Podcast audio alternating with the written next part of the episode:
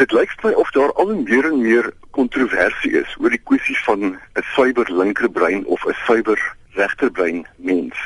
En ek het 'n paar studies gelees wat vir jou sê dit is nie waterdigte kategorieë nie. En 'n navorser soos Ruth Bernstein, hy is een van die voorste mense op die terrein van kreatiwiteitsnavorsing.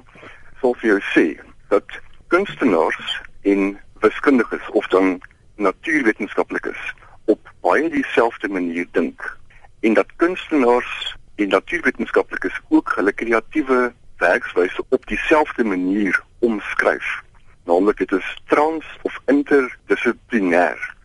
In jou werkswyse sluit in jy neem waar, jy kan abstrakt dink.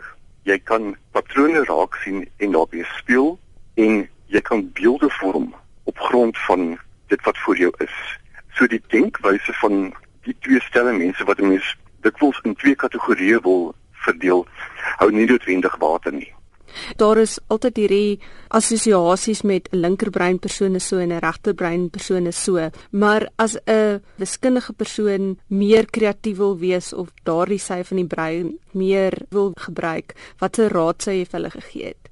Dink aan van die surrealistiese digters, dit is nou in die 20er en 30er jare. Iemand soos André Breton, Hy sou byvoorbeeld in 'n skemerkamer lê en dalk so ietsie drink en dan sou hy sy gedagtestroom laat gaan en sy vrou het dit dan op band vasgelê.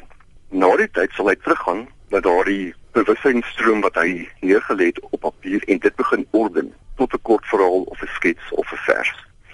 Die basis hierso is jy moet bereid wees om heeltemal vry te dink, om jou brein letterlik vrye teels te gee. En dit is hoekom iets soos droom en dagdroom ook baie belangrik is binne kreatiwiteit want jou onbewuste slaap nooit nie. En dit is hoekom ek ook telkens vir mense aanraai. Slaap met 'n notaboek langs jou bed want jy word dalk in die middel van die nag wakker en jy het 'n fantastiese beeld gekry of 'n basis vir 'n gedig of 'n storie skryf dit dadelik neer want jy gaan dit dalk nie onthou môreoggend as jy wakker word nie. Dit hierdie tegnieke en voorstelle pas ons dan toe tydens hierdie winterskool. En Mense skryf die heeltyd self en die fasiliteerders gee vir hulle terugvoer op hulle tekste, maak vir hulle voorstelle, brei dalk uit op daardie idee. Wat van jy laat die karakter praat in die storie en nie daardie een nie?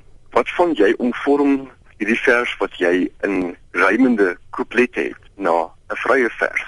Of jy vat dalk jou vrye vers en kyk of jy hom tot 'n mate kan giet binne sekere vorm met byvoorbeeld 'n rympatroon.